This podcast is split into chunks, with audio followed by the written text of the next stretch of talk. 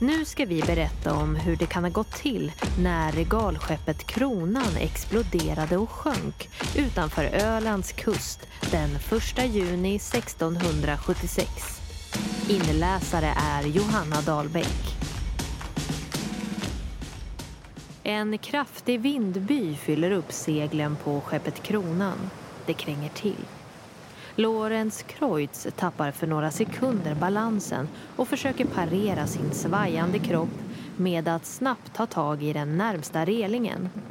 Han inser direkt att det här är inte bra. Under sig hör han ett dovt mullrande följt av kvävda dödsskrik.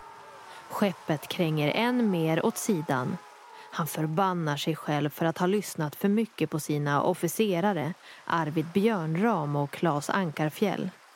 Deras ständiga rivalitet, diskussionen om att reva eller inte reva segel. Beslutet att låta bli, som nu verkar vara på väg att få ödesdigra konsekvenser. Paniken stiger. Han har inte längre kontroll över varken skeppet eller situationen. Och då har det stora sjöslaget mot danskarna inte ens börjat. Hur hamnade han överhuvudtaget här? Han som varken har erfarenhet av sjö eller slag. Han gjorde visserligen ett bra jobb som landshövding i först Åbo och sen Dalarna. Han var stolt över att bli utnämnd till riksråd och kunna visa att han verkligen var en man av beprövad rättskaffenhet och levande nit. Så när erbjudandet kom att bli befälhavare över flottan kände han sig minst sagt hedrad. Han hade visserligen aldrig varit till sjöss.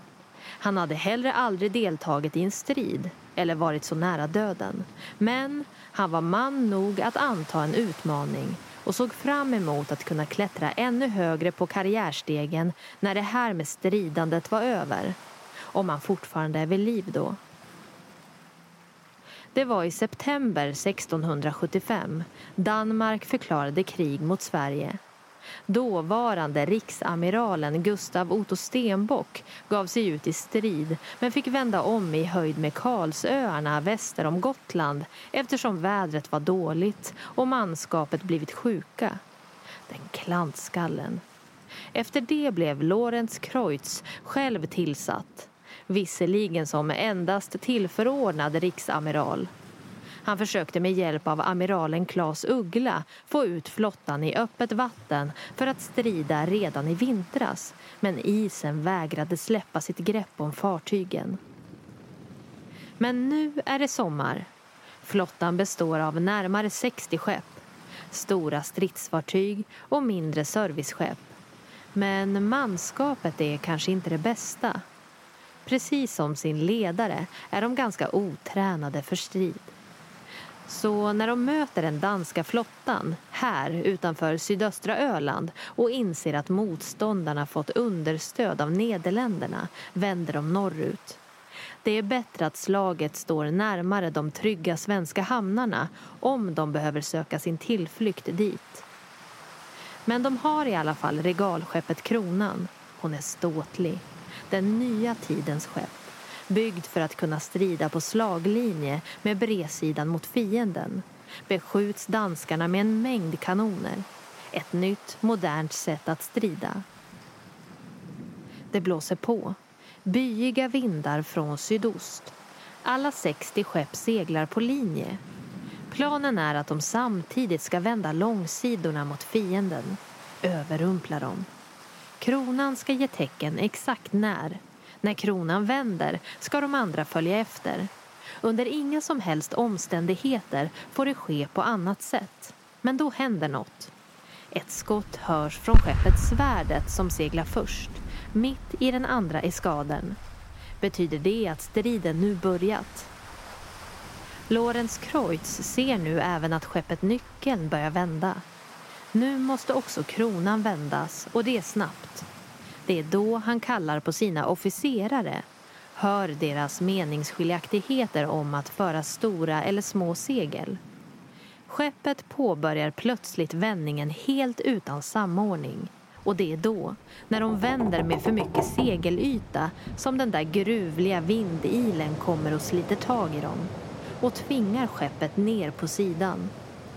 Slagsidan blir bara större och större. Kanonerna på batteridäcken sliter sig från sina fästen och krossar allt i sin väg och vatten strömmar in genom de öppna kanonportarna. Runt Lorenz Kreutz råder nu full panik.